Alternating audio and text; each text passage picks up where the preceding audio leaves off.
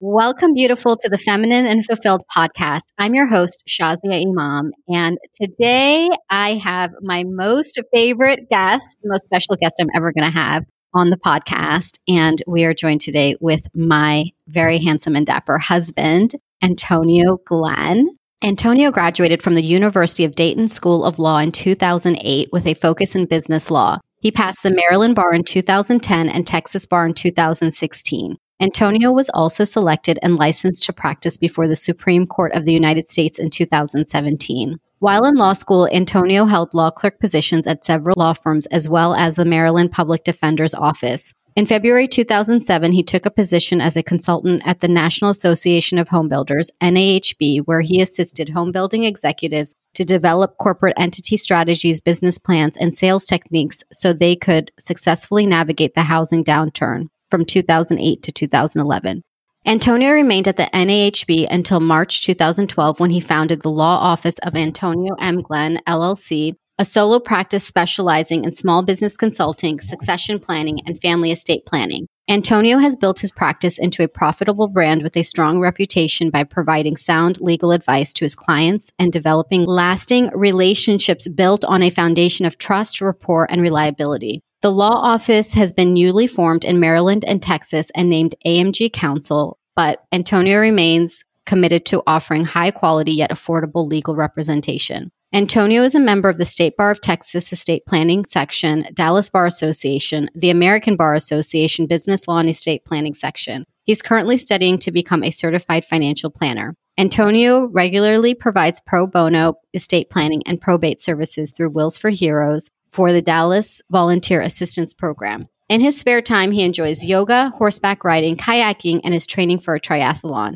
He's also an avid traveler and a sci fi enthusiast. And also, I'm going to add to his bio a wonderful husband and dad. Welcome, Antonio. Oh, thank you. Thank you so much for having me. I really appreciate that. Well, I'm really happy to have you. And I'm grateful that you agreed to come on because I wanted to bring you specifically given the current affairs of what's going on right now mm-hmm. in the US, especially around racism and what was triggered after George Floyd's murder. And I would also say Amy Cooper's call to the police on Christian yes. Cooper as well. Mm-hmm. Mm-hmm. And so I really wanted to get your perspective as a Black American, a Black man, and an American in this country, as well as an attorney, because I know that between the conversations you and I often have, you have so many things that have helped me to look at things in a new way. And I wanted to give our audience a chance to also hear that and learn from you too. So thank you for coming. Yeah, you're welcome. Thank you so much. And happy to support, be a good husband and a good dad, and uh, definitely express some viewpoints from being a, a Black male American who grew up in this country, especially in DC, in the nation's capital and in the environment that I grew up in and what I've been able to see and endure and grow to really somewhat understand what's going on right now with the protest and the Amy Cooper situation. So I'm happy to, to dive in and give some perspective on that. Thank you so much. And a part of me is trying to be really professional, but a part of me wants to be like, okay, baby, like, let's just pretend like we're on the couch like usual. when okay. I start asking you like lots of questions and you patiently sit and you answer all of my questions. Hmm. so it's probably going to be a mix of both um, okay. today. And mm-hmm. I want people to really have the chance to hear from you very candidly. So you started talking about growing up in DC, and I'd love for you to share your story. Yeah, growing up in DC was tough. DC back then wasn't the gentrified DC that some folks know now and a lot of, of people in the area work in. DC was rough. When I was growing up, there was what they would call an open air drug market in the DC area and in the suburbs in Maryland, where we later moved to. But it was so close to DC, they gave it its own names called Southeast Maryland. And so the crime and the drugs and the gangs and things were really rampant then. And the war on drugs was really pushed hard in those communities, and policing was really pushed hard in those communities. So even as a kid growing up, you were always what they call stop and frisk now. That was just a common occurrence for you just to somewhat just get bullied or intimidated by the police just by hanging outside where, you know, most kids, what are you going to do? You're going to go outside and ride your bike and spend some time with your friends. But, you know, in those days and as we had gotten older, because of the environment that you grew up in, the policing and having you come over and just stopping you for no reason, checking you in your pockets, you know, illegal search and seizure, you know, what I later know now. And, you know, they tell you to put your hands on a police car that's been running all day. It's hot. The hood of the car is like burning. You'll see references of that with NWA talking about why are you putting us on a police car and harassing us in, in that manner. And so the environment was one where because of the drug epidemic and how the system and the policing went after minorities as they as they do now, you were always in some unfortunately what we would call assume the position. And so, you know, it's just constant patting you down. And that's when you kind of get your first experience of relations with police officers. And, you know, in elementary school, they were officer friendly. But as you got older, you did kind of see them as somewhat as the enemy and things of that nature. So, can you tell us what? I just want to pause at this point in your story to mm-hmm. really clarify what is stop and frisk because our listeners may not be aware of what that really means. Mm-hmm. And then you also mentioned assuming the position. So, if you can just take us into these things. Yeah, so assume the position is not, that wasn't the term that was used. That was the term the police officers really had. And they would just come, get out the car, and then say, assume the position. And this position is put your hands up against the wall. And basically, they would treat you as a criminal without any articulable suspicion that you were doing any crime. You were just hanging out with your friends.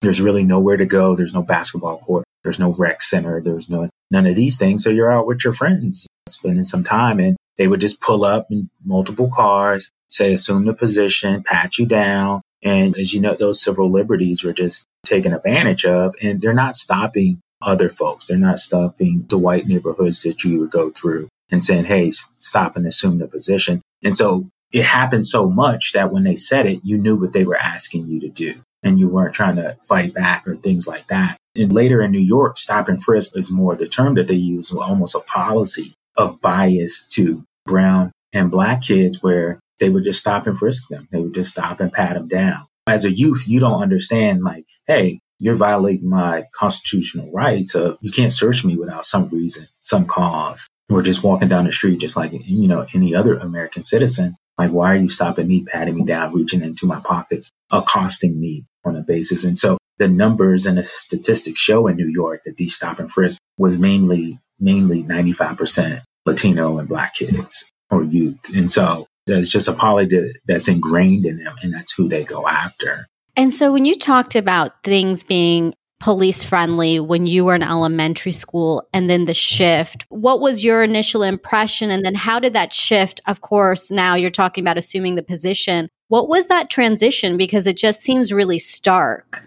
It was really stark. I mean, in elementary school, of course, the police would come and firefighters would come and you know, you would say, Hey, I want to be a police officer when I grow up. I want to be a firefighter when I grow up. But unfortunately, with the era of drugs, it became a very contentious relationship between the police and the community. They were supposedly protecting kids in our neighborhood. Of course, then it's any black teen is is pretty much a suspect, and you have this bias of being a suspect. And then you also have what's called for juveniles, even being young, is called the adultification of juveniles, especially in the mm-hmm. Black and Latino community. And you'll hear it referenced in the Ferguson case with Mike Brown was an officer was saying how he was like very, I felt threatened because he was such a, a large man or this or that. And he was still a very youthful young man. And, and even teenagers, how they make them seem like they were so like overgrown and, and aggressive. And you have that kind of adultification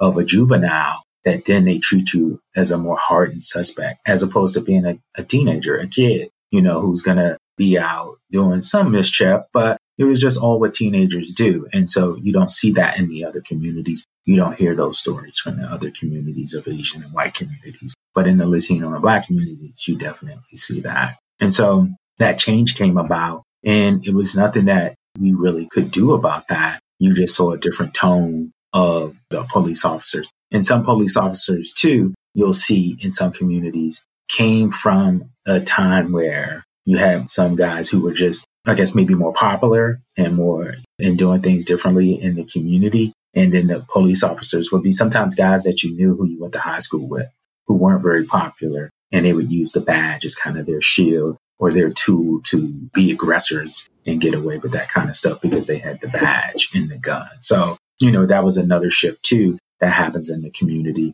And you can see how it's taken advantage against, um, you know, young Black and Latino youths. Mm. Yeah, I mean, this is very new to me. Of course, you know, I grew up in very white suburbia. I mean, I'm Indian, and you're right, for the Asian community, white community, I mean, I had no concept of this at all. Our only encounter would be if you had to call a police officer. I can't even imagine. And we grew up not even 30 minutes away from each other. So that's really fascinating to me how it can be so different, the worlds that we live in, and yet so close. And so this conversation right now around race is fascinating to me because it's like people don't understand that just because you didn't have that experience doesn't mean it didn't happen, doesn't mean that it's not real. Yeah, I think sometimes people think, and even when we talk, you know, there are times that I, I kind of laugh because what I think and see in my head, my my upbringing, and I grew up in a single parent household, and a lot of other guys did too. And you're out here working, you're trying to find ways to get resources for your family and even bring food on the table for your family in certain circumstances. And so you do take on more responsibilities and more burdens for your family. And then the other added stress of going to school and really there are no tutors, there's no free resources to help you get to your education and help you strive to get better. And on top of those other burdens of trying to stay with, again, just family resources, household bills, light, water bill, keeping the lights on and things like that. It just wears on you and it wears on these youth. And I'm sure even when the police come in, them wearing on you and you don't have anywhere to go. You kind of get a defeated mentality sometimes as a young black or Latino person who I know for us, it was a little bit of a, it was a defeat because it was like, where can we go? What avenues are available to us? The jobs back then in the 80s weren't good. They didn't have any, any programs for the youth for us to go and try to get other skills, trades, and things like that weren't afforded to us where we can really occupy ourselves and build up some good skill sets to move forward. And so you're making the best that you have in this community and environment that hasn't offered you any other resources that other communities again had. And when you talk about your school and tutors and having after school programs and things like that, so you can continue to fulfill, try out new hobbies, skills, and talents that you can find for yourself and then put yourself in a good position to go to college and things and move forward with your livelihood. So, you know, those things just weren't available. And it was by the time I graduated high school, I knew maybe one third of the people I knew weren't going to graduate from high school. So by the time I graduated high school, it was probably about a third of the people who didn't graduate high school. I'd probably gone to about 20 funerals by the time I graduated high school for people who had been killed in that I knew in my age range. And so you do have a contingent of people who've been, and some were wrongfully killed by police then. It was a close friend of ours. You know, his name was Chris, and he was going to visit someone, got into a, a verbal dispute with an officer, and he wasn't under arrest. He pulled off. The officer opened fired on the car and killed him, and there was no repercussion for that. A little bit because, oh, he comes from that community. That community is known for I guess, having drugs or being a drug environment.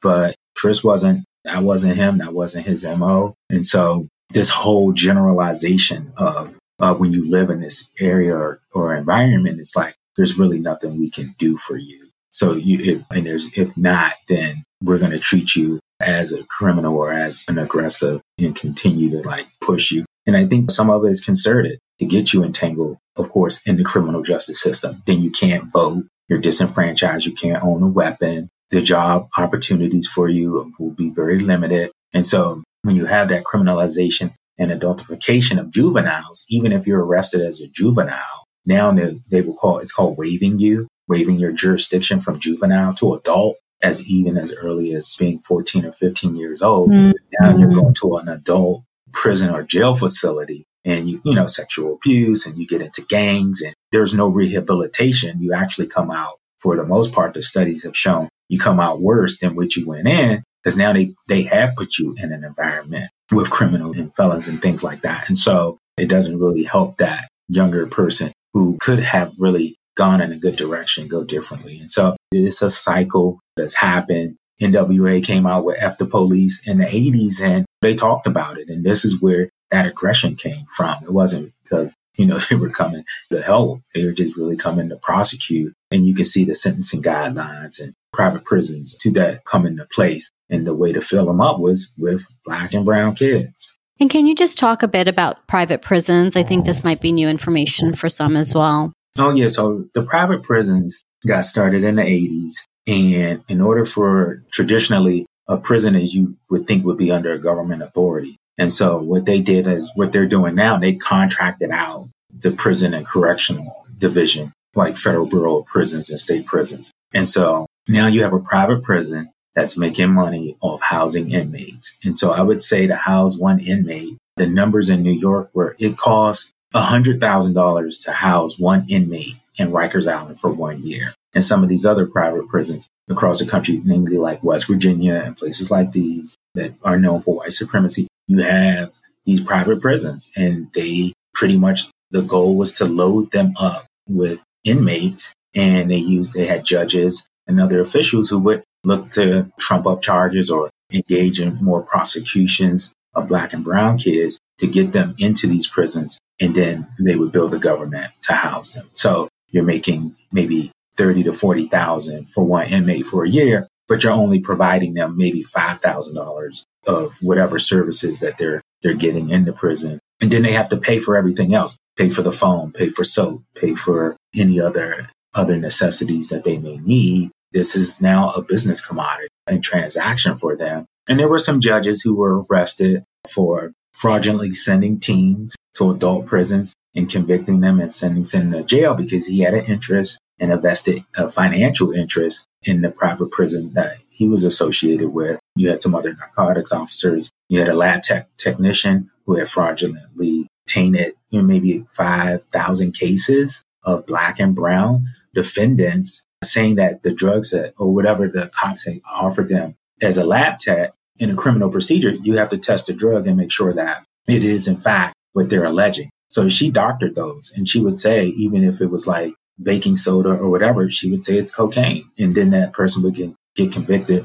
on that fraudulent information. And so a few years ago, uh, she FBI brought her into custody and she was arrested. And, you know, so you think, okay, the numbers of black and brown people in prison is proportionately high. Why is that? And, and you can see some of these things are taken out systematically that does it. It's just not one racist person. It is a system. That system does use the law the police and these other mechanisms to get people because once you then are imprisoned then people see you as not having any rights and it's less for you that you'll be heard and your voice will be heard. And so this is why the protests are really good because it can speak on behalf of people who don't have a voice to speak for themselves whether it's you know even black lives it's immigrants, it's folks being taken away. These civil rights being the knee is on the back of the civil rights, and you need the protest and protesters to voice these out for people, especially minorities, because it will continue to happen and it will continue to entrench on people's constitutional rights and civil rights.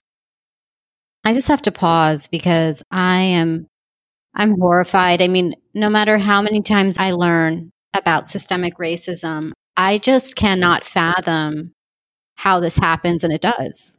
It does. And there's a system behind actually making people a commodity. And I think what is, I want to just share this. One of the things that I find to be really problematic when we're using the term all lives matter is that all lives matter actually to me further justifies the systemic racism because what has happened in this country is that systemic racism has determined that a black or brown life is not as valuable. It's not actually a full life because you can't treat somebody like that if you believe that all lives matter. And I think this is the piece where the implicit and explicit bias that people have against people of color, particularly in the Black and Latin communities, it's so problematic because I don't know how to say this, but I will say it because if we were sitting on the couch together, I would say this. But I don't understand how we have, as a culture, as a country, in the media, in so many places, decided to create this narrative that Black men, especially, are scary and like monsters and predators and just like things that we wouldn't associate with a life. Like, so when somebody's saying all lives matter, to me, it's like, well, that's because you've decided whose life actually matters. You've decided who you consider a life. And that doesn't include, that does not include so many in the Black community. And so when people are saying Black lives matter, it's because it's actually saying that Black lives matter, that they are lives. And this is like, I just don't understand how that is missed.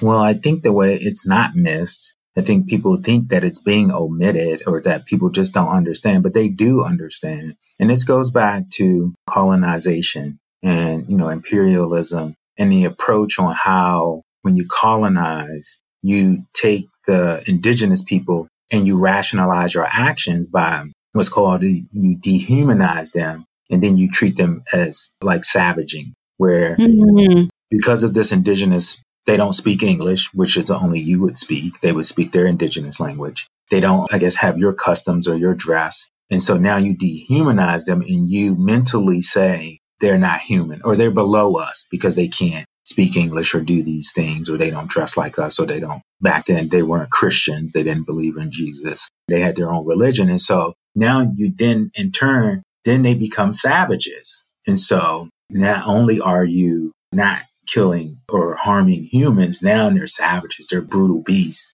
And now you have this bestiality mindset as how you encountered them. And so in slavery times, yes, they weren't considered human. They were considered chattel. Chattel is not a word that's used a lot. It's a law term. And chattel is basically livestock. So you have chattel, that's your property and you trade it. And it, that has continued to be somewhat in the mindset of, yeah, this is chattel. They're my workforce or they're, that's my commodity that I can trade as I choose. And so based on the parameters, so, you know, at the slave market, that's what it was. You put them up on auction. Hey, you got the bidding and this slave could do this, that, or the other. And that's where that came from. And then you justify that by saying that this person isn't a human. And so this is where you had this whole like Darwinism and Freud of blacks being less than human or being less than men so they can continue to have this white supremacy mindset and ideology that would continue to go through people to see them. And even on the slave plantation, if you had what we would consider even you had white slaves, but they were given authority over the black slaves. And because of this, that allowed them to feel as though I'm still elite. I'm still a part of this class community. And I can then with my disdain, I'm going to work even harder to oppress the black people in with whippings or whatever. I mean, there's so many horrific stories. If people really knew what happened to slaves, not, we're not even going to get into the rapes and the killings and things like that. But there was a lot of brutality there along that goes with it that's never shown on television, that's never really talked about in great detail. So, but you have that. So you have this dehumanization of black people and that has continued on and they see them as a commodity and that can be discarded. The same with the indigenous people here in America. We know that Christopher Columbus didn't discover America. They still teach it in school for whatever reason. They still celebrate it for whatever reason. So they can, but really is to continue to promote that legacy of we found this country. So now they say it's ours. And so you see the videos on go back to your country where it's like, well, this is, this is all of our countries. And if it's anyone's, it's the indigenous people that were here you know, before all of us. And so that's where you see that when you come to say, hey, how can you treat a person less than, than oh, it's three fifths. A black man was three fifths. He couldn't vote,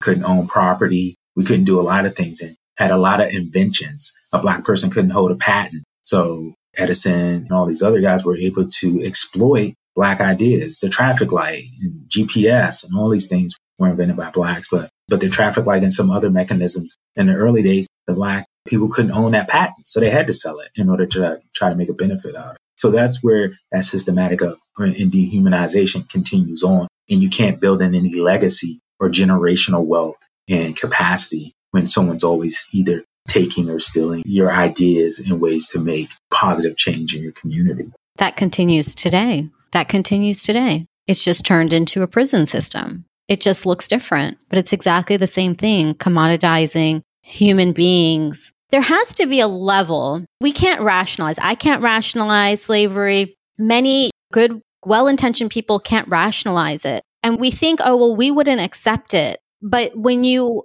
allow for the groupthink to be that these are savages, they're less than human, they're chattel, then it makes it easier to then oppress, to oppress in a way that in our human essence, in our natural human essence, we would never treat somebody else like that. We think it's abhorrent because we think it's something separate. We think it's something far away. And that happened before my time. And I would never allow for that. And yet we do the same thing. We stand by in mm-hmm. complacency. Mm-hmm. And when I say we, I mean the non black community. We stand by in complacency. We stand by and just think, oh gosh, no, I would never, ever, ever treat anybody any different. And yet we do. We allow systems like this, the systemic racism, to continue on. We think it's somebody else's problem. In fact, we even blame communities. So I want to talk about this concept of pulling yourself up by the bootstraps and this concept because somebody would look to you, baby, and they would say,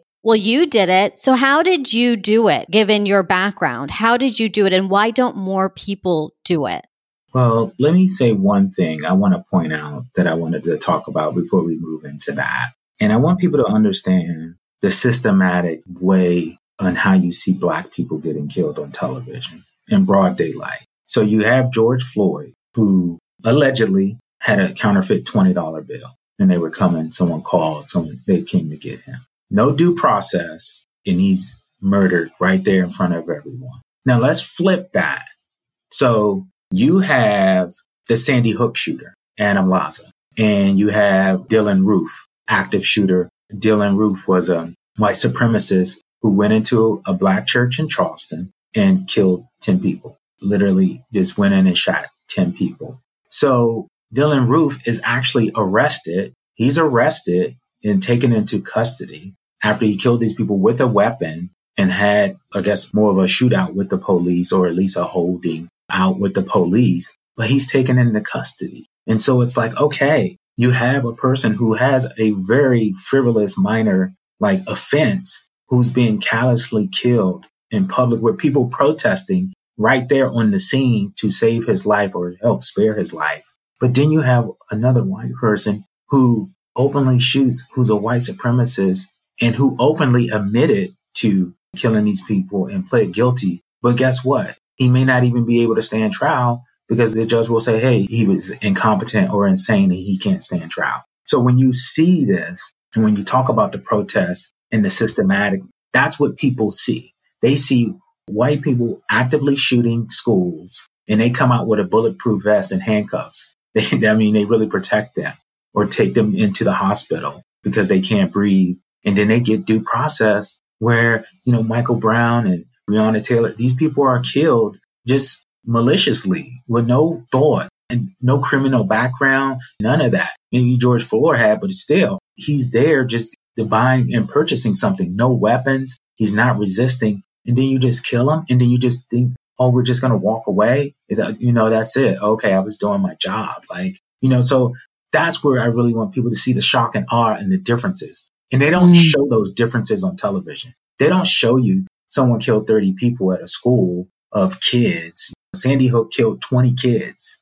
20 kids. You killed 20 kids with a assault rifle. But nobody speaks about that. Nobody's saying, "Oh, I'm scared of white people when they come to school with a trench coat." Like no one's no one's like that. Propaganda and media machine isn't out there pushing that agenda. It's pushing this agenda where when you and I walk down the street at night, then what? The couple decides to move across the street but during the day they don't. It's like, you know, what's the difference? Like, I should be more afraid of you than you should be afraid of me. You have the police, like Amy Cooper. You can call the police and say, hey, this guy did this. When the police come, do they come with a bias? Do they come equal standing? Like, hey, we're here to sort out. No, more than likely, the stories are they come and look at the black guys, the arrester, even if what they did in the protest. The protesters were black. They were saying, hey, those people are looting. The police come and arrest them for trying to identify the people who are looting. So I just wanted to touch on that before we moved on to, you know, building yeah. yourself up and get people to really understand why the frustration, why the protest, why the anger. And it's there for a reason because you can't have Rodney King, you get beat on television like that.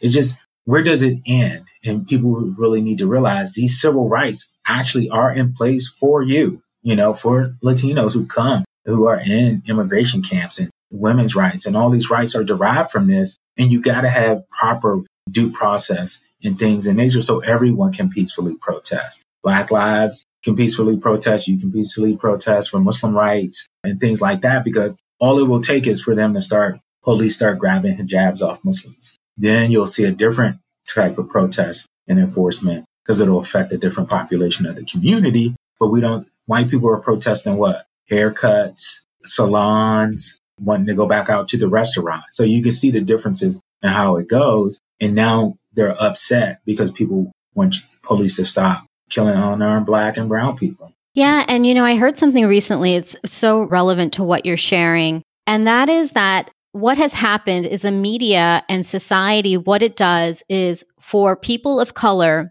it portrays when one person does something bad, it becomes the generalization for the community. So let's give the example of a looter in a protest. Okay. It's one black person now all of a sudden. Why are they all looting? It becomes a generalization. And we can take this all the way to all the examples you've given today. So many examples of the way that our black community is oppressed. And on the flip side, when there's one good person of color, right? So the one person with that story, they become the exception. It becomes the exception, for example, that black men are good fathers. That is the implicit bias there is that that's an exception when I know you and you know many others who are fantastic fathers, but it becomes this exception. Whereas the grace that's given to the white community is the exact opposite. So when something good happens, that becomes a generalization. We live in a, our uh, context is white in the US.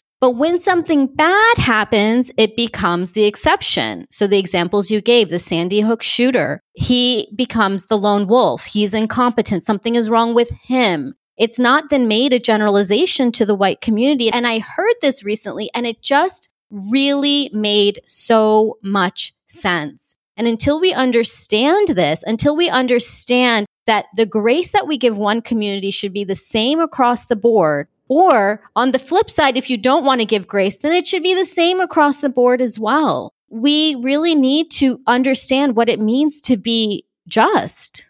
Yeah, I think so. And one scenario that people don't talk about is that generalization to the police. So you want to always identify these officers that kill an unarmed black man as that was a bad act.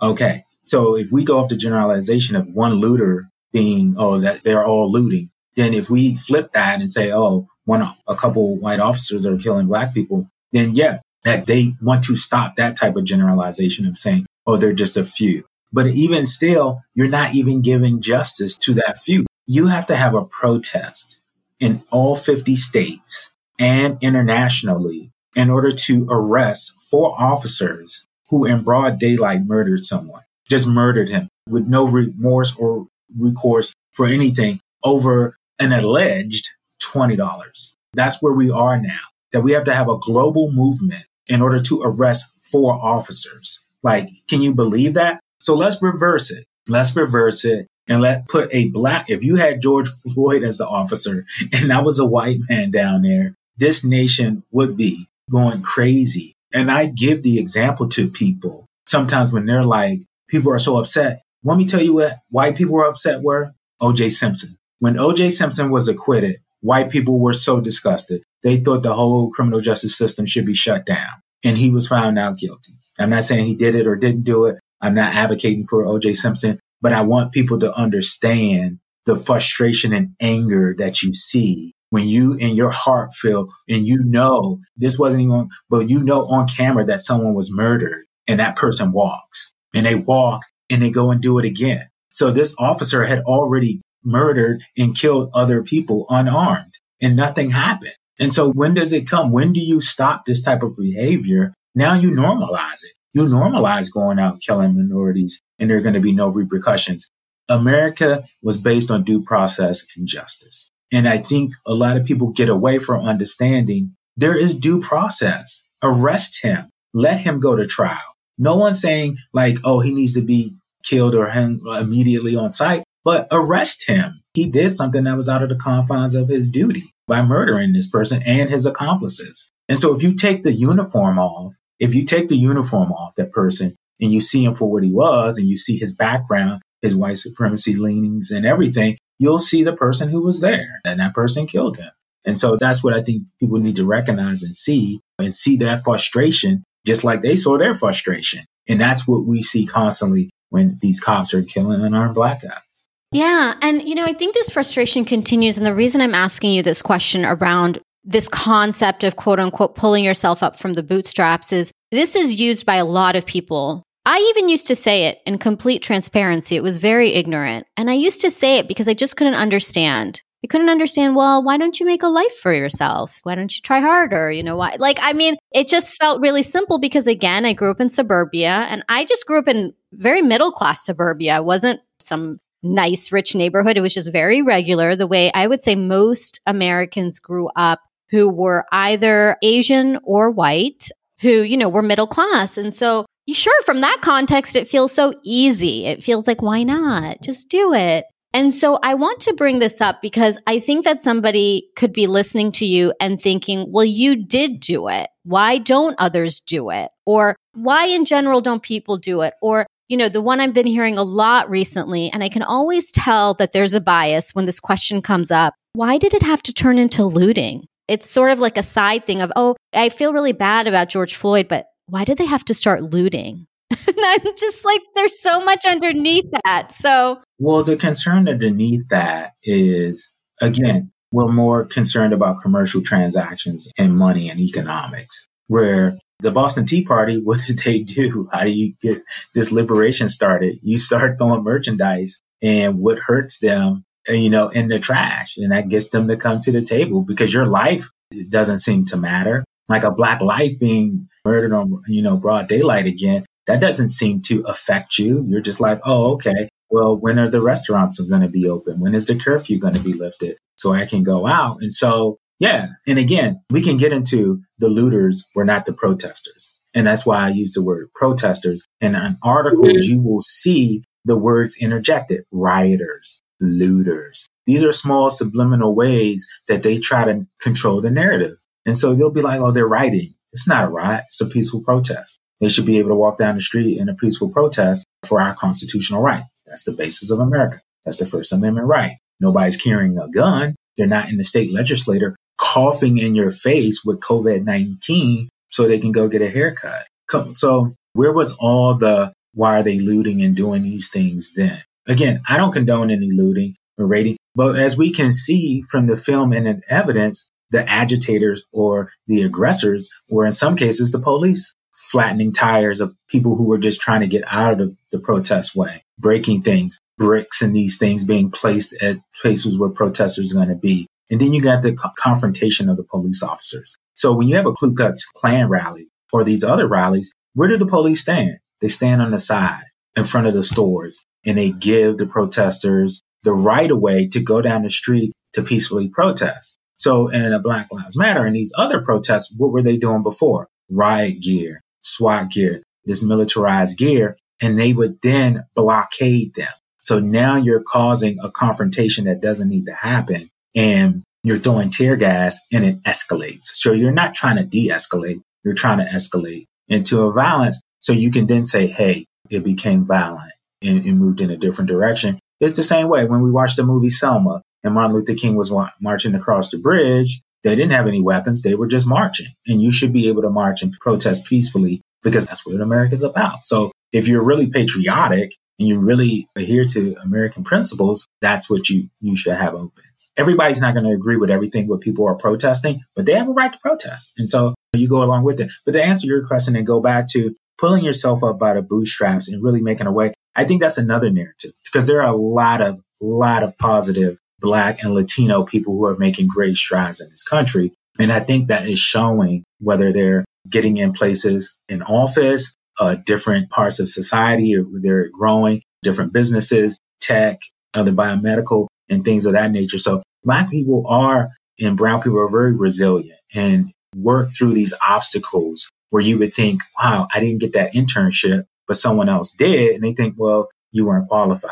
And I think we come to know that's not always the case. And I'm one for working hard. I teach my daughter, Nasima, I teach her, hey, hard work does pay off, but you got to think smarter and you can be, you know, ways in order to use your intelligence to help benefit you. And so many people have come up. But again, it goes a little bit back to if you're a young black adult and you have an encounter with the police, I think it's eight to 10 times higher that that's going to get you arrested or incarcerated. And so now when you talk about a person who's formerly incarcerated and their likelihood to be able to go into these other like higher echelon positions and things and move forward, then you kind of, you dampen that. Then you have enough hiring practices that limit this. So a study came out where all the major law firms in the country, most of the equity partners are maybe 95% white. So how are you going to get other African American or Latinos into those higher positions there. So the policies aren't even on the state, it's in the private sector too. And those opportunities that are afforded to others, to Asians and white kids, it's easier for them. And so when it's easy for you, just think, oh man, I'm talented. You know, everything is going smoothly. But you don't see the plight and the struggles for Black and Latinos that do have to try harder and who have the same skill set, went to the same school and scenario and it's shown in hiring practices. When resumes come out, you know, you have recruiters now who talk about what name you put on your resume. Because if your name sounds more ethnic, then the possibility of you maybe getting a call will be less than 25%. So the unemployment numbers are much higher for African Americans than they are for other nationalities. Because it's not that people don't want to work, it's just that opportunities that aren't afforded to them. So you do work hard. You understand as a black man what you're up against and how to parlay your relationships with others. And I think that's one thing that I always try to teach Nasima and myself is we can't generalize. We can't be like that.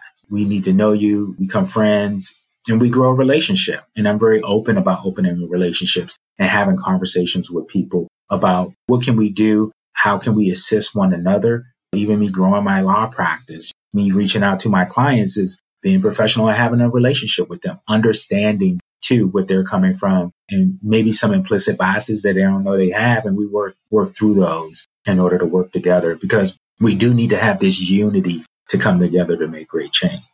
The big question that I have and that I've been hearing the most is, well, what can we do? What can I do? What would you share? I think right now, people can really be very supportive and open to Black Lives Matter, the movement, the psyche that it takes, like being a friend for people of African American people and Latino people. I always include them too. It's not always shown on the news, but and really anyone who's getting pushed. I mean, you have transgender people coming out and other discriminatory practices that are happening. And so come into support. Support Black Lives Matters. It's a civil rights movement. It's a movement for humanity, for people. And we're pushing forward to show that, hey, we mobilize, we can peacefully protest, support Black businesses. One thing is that during COVID, you had so many minority businesses go out of business because you had the PPP, what is it, the Protection Paycheck Program. About 85% of those dollars went to the white community and didn't get into the minority community. So you say pull yourself up by the bootstraps in our other conversation, but that's what you're trying to do. And you need the support and push from others so if you're in a lending capacity, if you're in the legal field like I am, volunteer your time to do some pro bono, do some pro bono work to help, you know, for folks who have been protesting peacefully and have gotten arrested to go and protect their due process. This is an American structure that's put in place for us. Protect these legal institutions that are put there. So it will help build and bolster the protection for people, Black people, white people, Latino people, everyone human rights way. So support black businesses, reach out or be there for your, your black and minority friends. You can donate to the bail efforts. You can donate. If you're voting, get out and vote is a very form of protest, as we know. November 3rd will be here and see these other candidates is differently because I think sometimes people think, well, black people talk about black issues. Yeah, because no one else is going to address those issues. And so, yeah, we have to speak profusely about them and make them happen. Be a legal observer when voting rights come, redistricting, and these other type of things that happen. Help people get to the polls. Help organize in your community and come together. And I think unity is key. I want to be unified. I come with love and leadership has even before then, but leadership has really shed a light on how to step into coming with love and breakthrough and unity for everyone, where when others struggle for whatever reason they may be, you, you want to feel like you have support and unity of your community and friends and being there for them is important and not making excuses. Oh, well, if he had just listened to the police officer, it's like, oh, wow, that's really easy for you to say where you have instances where you have listened to the police officer and you still ended up this Sandra Bland, Castillo, the list goes on and on. And so you want people to have empathy in their heart and humanity to see this isn't right and this shouldn't happen to anyone, let alone whether they're black or brown. It just shouldn't happen. I know I would have, I would be protesting if it was a, a white person who was murdered on camera. It's like, yeah, we, we got to do something and address this. So let's come together, talk to your kids. I mean, a lot of this stuff, a lot of these concepts and behaviors are taught to kids. I'm in agreement that no one is born a racist and has these discriminations and biases, but they've been taught this. So teach your kids better, network with others, get out, learn more. I mean, DC is a great place for diversity, but people still kind of stick to themselves and isolate. So I would encourage you to support these businesses and have conversations. And again, there's some education in yourself in which you have to go about going and doing because as black people, we are trying to educate and talk to people and it does get tiring. You get a, little exhausted and you're like, someone else is calling and they, you know, they want your time. And I'm willing to give time and do pro bono. I'm willing to help people. Let's use the tools that we have available to have unity and to have a good legacy to build forward. So when you're speaking with your kids, think about your legacy. Let's think about what ways I can help my child grow up with a different concept. And I think you see the youth. I think you do see a lot of the youth sticking together in these protests, whether it's social media, whether it's the Gen X, and they feel like, you know, they see the oppression has come from the older boomers who seem to be oppressed. Like they see that transition and they see the unity that they have, whether it's some type of gender control or this control or that control, and they've come together. So I would encourage us, like I really encourage Nasima to be very open. We have a multitude of multicultural friends talking to her about biases and how to treat people respectfully and that lives do matter, hurting people and being a good person, a quality Muslim and a young lady and how to present yourself. That's all a part of it. And so my focus now is to help people build a legacy for their kids and help them build some generational wealth that will too help us use the power of our dollar in the community to progressively move forward as a community. How can families do that? That I think is even new for many of us to create generational wealth, to leave that legacy. I think one of the things is that it comes from just having the proper mechanisms in place in entities. And I think when you see some of these power structures, especially when if they're donating money to politicians or to private foundations or whatever, they have their affairs in order. And COVID was a really big push for people to get their will or to get a trust or to get these things in order so they can have this generational wealth set up for their kids. So when I'm talking to my clients, it's not a, like a, always an end of life type scenario. It's, hey, let's get our kids to have financial literacy. Let's get you to have some and to prepare for them, like lowering your debt to income ratio, purchasing your home in a different neighborhood so the school that they're able to go to is more suited. It has more special programs and things like that. And then let's get your will. Let's get what happens if anything happens to you and how your money can then go to your children have them go to college. I had to work my way through college and through law school. And so if you can give your kids a legacy and a, a leg up on providing for them to be able to go to school free, then they have time to volunteer. They have time to be more involved in some of the community activities and some of the other endeavors that they want to pursue because they're not struggling on the hamster wheel to try to do these things. And so then you also have an opportunity to talk to them and let them build. And so generational wealth has been taken away from the Black community in some respects because, again, we couldn't have property. We couldn't pass that property down. And we know that property and other owning other assets are what allow the, you know, these families and other generations to build on their wealth and to continue to stockpile and become much more wealthier. And they're able to make change with that wealth and able to do things and stand up on their wealth. Whatever ventures you may be sponsoring kids to go to school, helping feed the hunger, education programs, providing jobs in your community. These are things that we want to do. So this is what we want to press upon. So when I'm talking to a client and I don't just do estate planning, I also do setting up their business to really help you see this is a business. Let's build some wealth and retain earnings in your business. So then you can hire your kids. Your kids can work for you. You can have a nice family owned business and they can see how business and structure work. And that all goes into that pull yourself up by your bootstraps. But it also shows, hey, we're resilient and we have commerce and money. So keeping your money somewhat in the community and building uh, with a grassroots effort is a way to do it. And so that's what I really like to help my clients understand. I have clients who have nonprofits. One of my clients, his, his son passed away, unfortunately, while in college in a car accident. And one of the things he did, he wanted to donate to his school. So we set up a nonprofit to go out and show the things in the images of, of the Black community that give back because of so many tragedies and how much we try to give back to the community and seeing that work in a very positive light and way for all people to be able to benefit and engage from. That's really interesting. I'm glad that you're speaking to this because I think sometimes we think that the concept of generational wealth or even wills, it sometimes feels outside of us or to think about it later. And I didn't even realize that that setting up your estate is something that can benefit you in your lifetime. You know, I think sometimes we put these things off because we think, oh, I'll think about it later and later and later. But I didn't realize it can have an effect now on your family.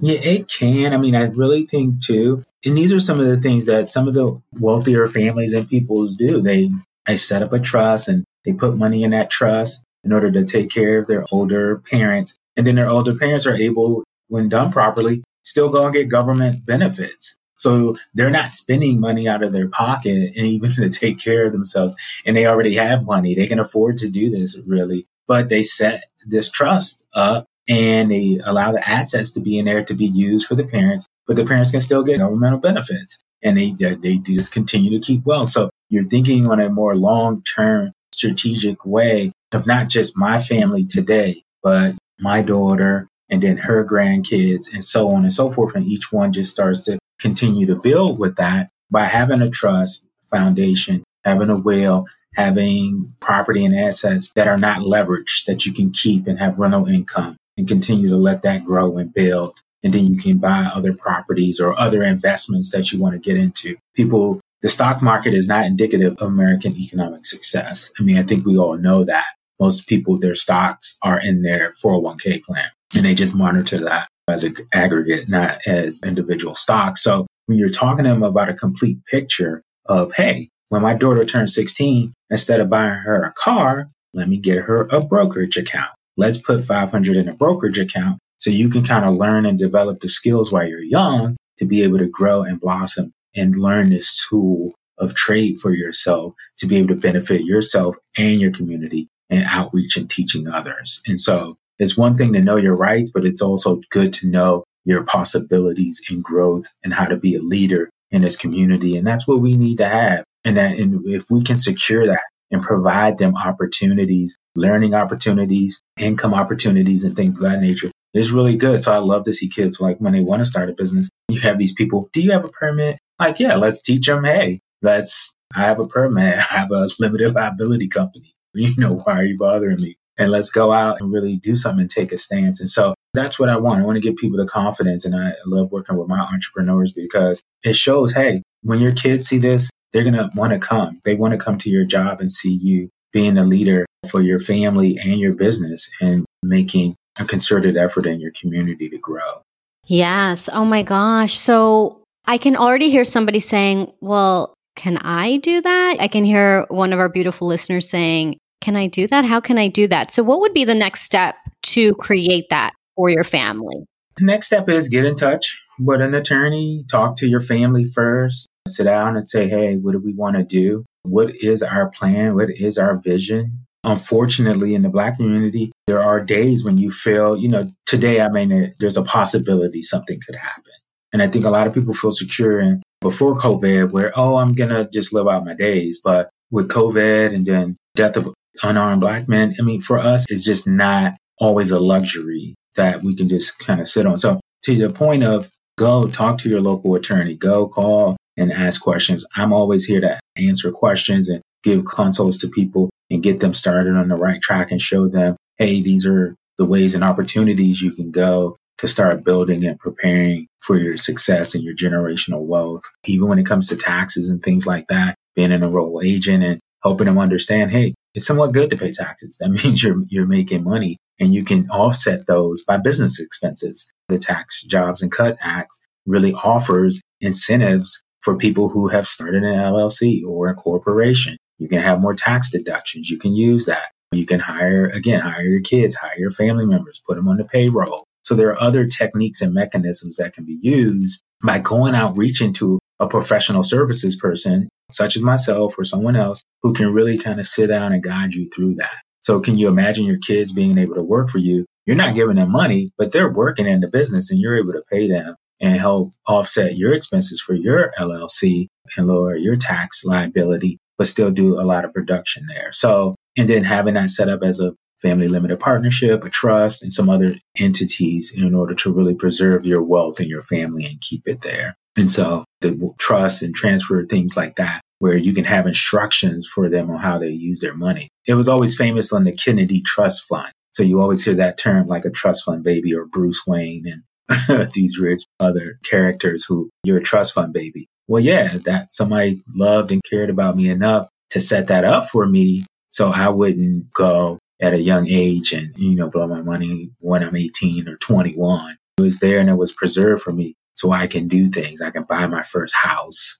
and maybe put down 40% where I don't have to have mortgage insurance. These things help in your day to day. School debt is a trillion dollars. School debt is just, it's oppressing people now where they're not able to buy a home, get married, have kids, and live the life they want because of this different type of oppression that they're going through. Don't get me wrong, if people decided to go to school and get a loan, I can understand that. But as Senator Warren states, that loan interest should be the same as it is for the banks. It should be about 0.01%. You know, it shouldn't be 2 and 3%. So these are some things that we can look at to really continue to be aware and conscious of how we go about making progress, not only for ourselves, our families, and then our communities. And that's how it kind of goes out. Look at yourself internally. How do you want to do things? And what's your vision for your family? Bringing that into your family household and then going out into your community. So I think some people are shocked by the responses by people that they've started to meet in their community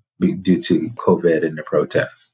Yeah, I so appreciate what you're saying because it's really thinking about that long term. I mean, the short term, there's a number of things you shared we can do. And We'll have a link to a number of resources on our show notes at thelifeengineer.com slash podcast slash Antonio. And what you're speaking to is really this long term shift. You know, when we're talking about the systemic problems, this is really adding to systemic solutions because mm-hmm. the truth is, is when people have money, they do have power. When yes. they have that, mm-hmm. there can definitely be more change. So imagine that more people with the proper legacy building could create this generational wealth, could create this financial power and could create it in communities of color. When we're really thinking the long term, because sometimes we have to look at the short term and then we also have to look at the long term of, okay, what's really going to cause and create what we ultimately want. And at the end of the day, I think we all want what's best for our families. That's what we want. We want to be able to live in a world where we have access to the same things and we have those opportunities. And so these things, based on what you shared, are not out of reach. And that's so generous of you to offer that people can contact you as well for a consult. So, how can people reach out to you and talk further about their specific family legacy building? To reach out to me, you can go to my website, www.amgcounsel.com and I can send you the link to my website. They can set up a consult with me and we can set aside some time to talk. And I like being able to converse with people and really kind of get an understanding of what they want to do and accomplish for their family. And so I want to just share a little joke with you because you talked about influence and power. So you remember how you had cell phones with the contract and you couldn't break the contract or you had to pay like some ungodly amount of money? Mm-hmm. So the joke in law school was that and what happened to be true was that there was a senator and his daughter, and they wanted to get on a family plan. And she couldn't get on the family plan because she couldn't break the contract with the phone company. I wouldn't say it was AT&T or whomever, and he just thought that this was outrageous. So guess what? He put a bill on the floor that had them change how you can bill so they could no longer do a contract in full. So let's say the contract was if you wanted to transfer your contract, even if you were maybe 22 months out of a 24 month contract, they would still try to charge you the whole 250 or 300 bucks or whatever. Well, the legislation he put out, they couldn't do that anymore. They had to change it because of that influence and what you're able to do. So now when you have a new contract with a phone company, now it was prorated. So if you were a year into the contract with the phone company, then you only had to pay them 125 to break out of the contract. nevertheless, but that shows you the power and influence that if we have that power and influence in our community for senators, lobbyists, where we're pushing and we're the people who are the influencers, we can influence people on social media. That's great. It's moving people and getting them focused. But we need to have real influence on the decision and policymakers in this country. And I think that's what we really need to go when we talk about legacy building of we need more people like us in places of leadership, whether it's state senate, local council, you know, of course, all the cabinet members are white. We need to see some representation of folks like ourselves to go out and be in this. And that's how generational wealth helps. It allows you to go, if you want to be an intern and do these things, it allows you that opportunity to seek out these opportunities so you can position yourself to be into these influential positions. And this is what many of these lobbyists and presidents and people, their family knew. They had a legacy and a path and a roadmap for them and how they were trying to push them to go about in politics and be able to have that voice and that influence to make change. And they, they're doing it for them. We need to do it for ourselves and we need to continue to push and strive in that area. So, but I am so happy to reach and console and connect with people if they want to go to the website and schedule schedule a consult with me and talk about business legacy, whatever they have, legal issues. They may just want a, an idea on what direction to go. If you want to know your rights, we have a lot of immigration attorneys. We have a lot of people don't see that as an immigration thing and how that plays out. So if you have questions on things and rights that you're concerned about, definitely reach out. And, you know, I look forward to sharing and providing support and assistance to those. Thank you so much. Again, the website, if you do want to contact Antonio, that is such a generous offer that you're giving to consult. You can find him at AMG Counsel. That's A M G C O U N S E L dot com. And I have to, of course, do a plug because you're my husband, baby. And I know how generous you are. And I know what kind of an attorney you are too. So when you talk about building relationships and giving support, it's so true. Like I see your clients. I mean, they you never tell me who your clients are, but they always like to come and tell me. yes. they love you. And yeah, like, oh, protect confidentiality is important. you do such a good job. And then I'm always like, oh, I didn't know you worked with Antonio. and yeah. they're always really happy and they just really feel supported by you. And I know how much you really care not just because it's something that you've experienced, but because you really care about humanity and you show that in the way that you show up in your business as an attorney and also the way that you show up at home and out in the world. So I love you so much. Thank you for taking the time to share with us today. Thank you. I just want to thank all your viewers and know, you know, this is progress and it's progress for all of us. And uh, I'm sending my positive energy, light, and love to those folks uh, and anyone affected by COVID or personally affected by the protest. Uh, we were seeking progress and change in a peaceful and positive manner, and uh, just sending love and light and positive energy to everyone.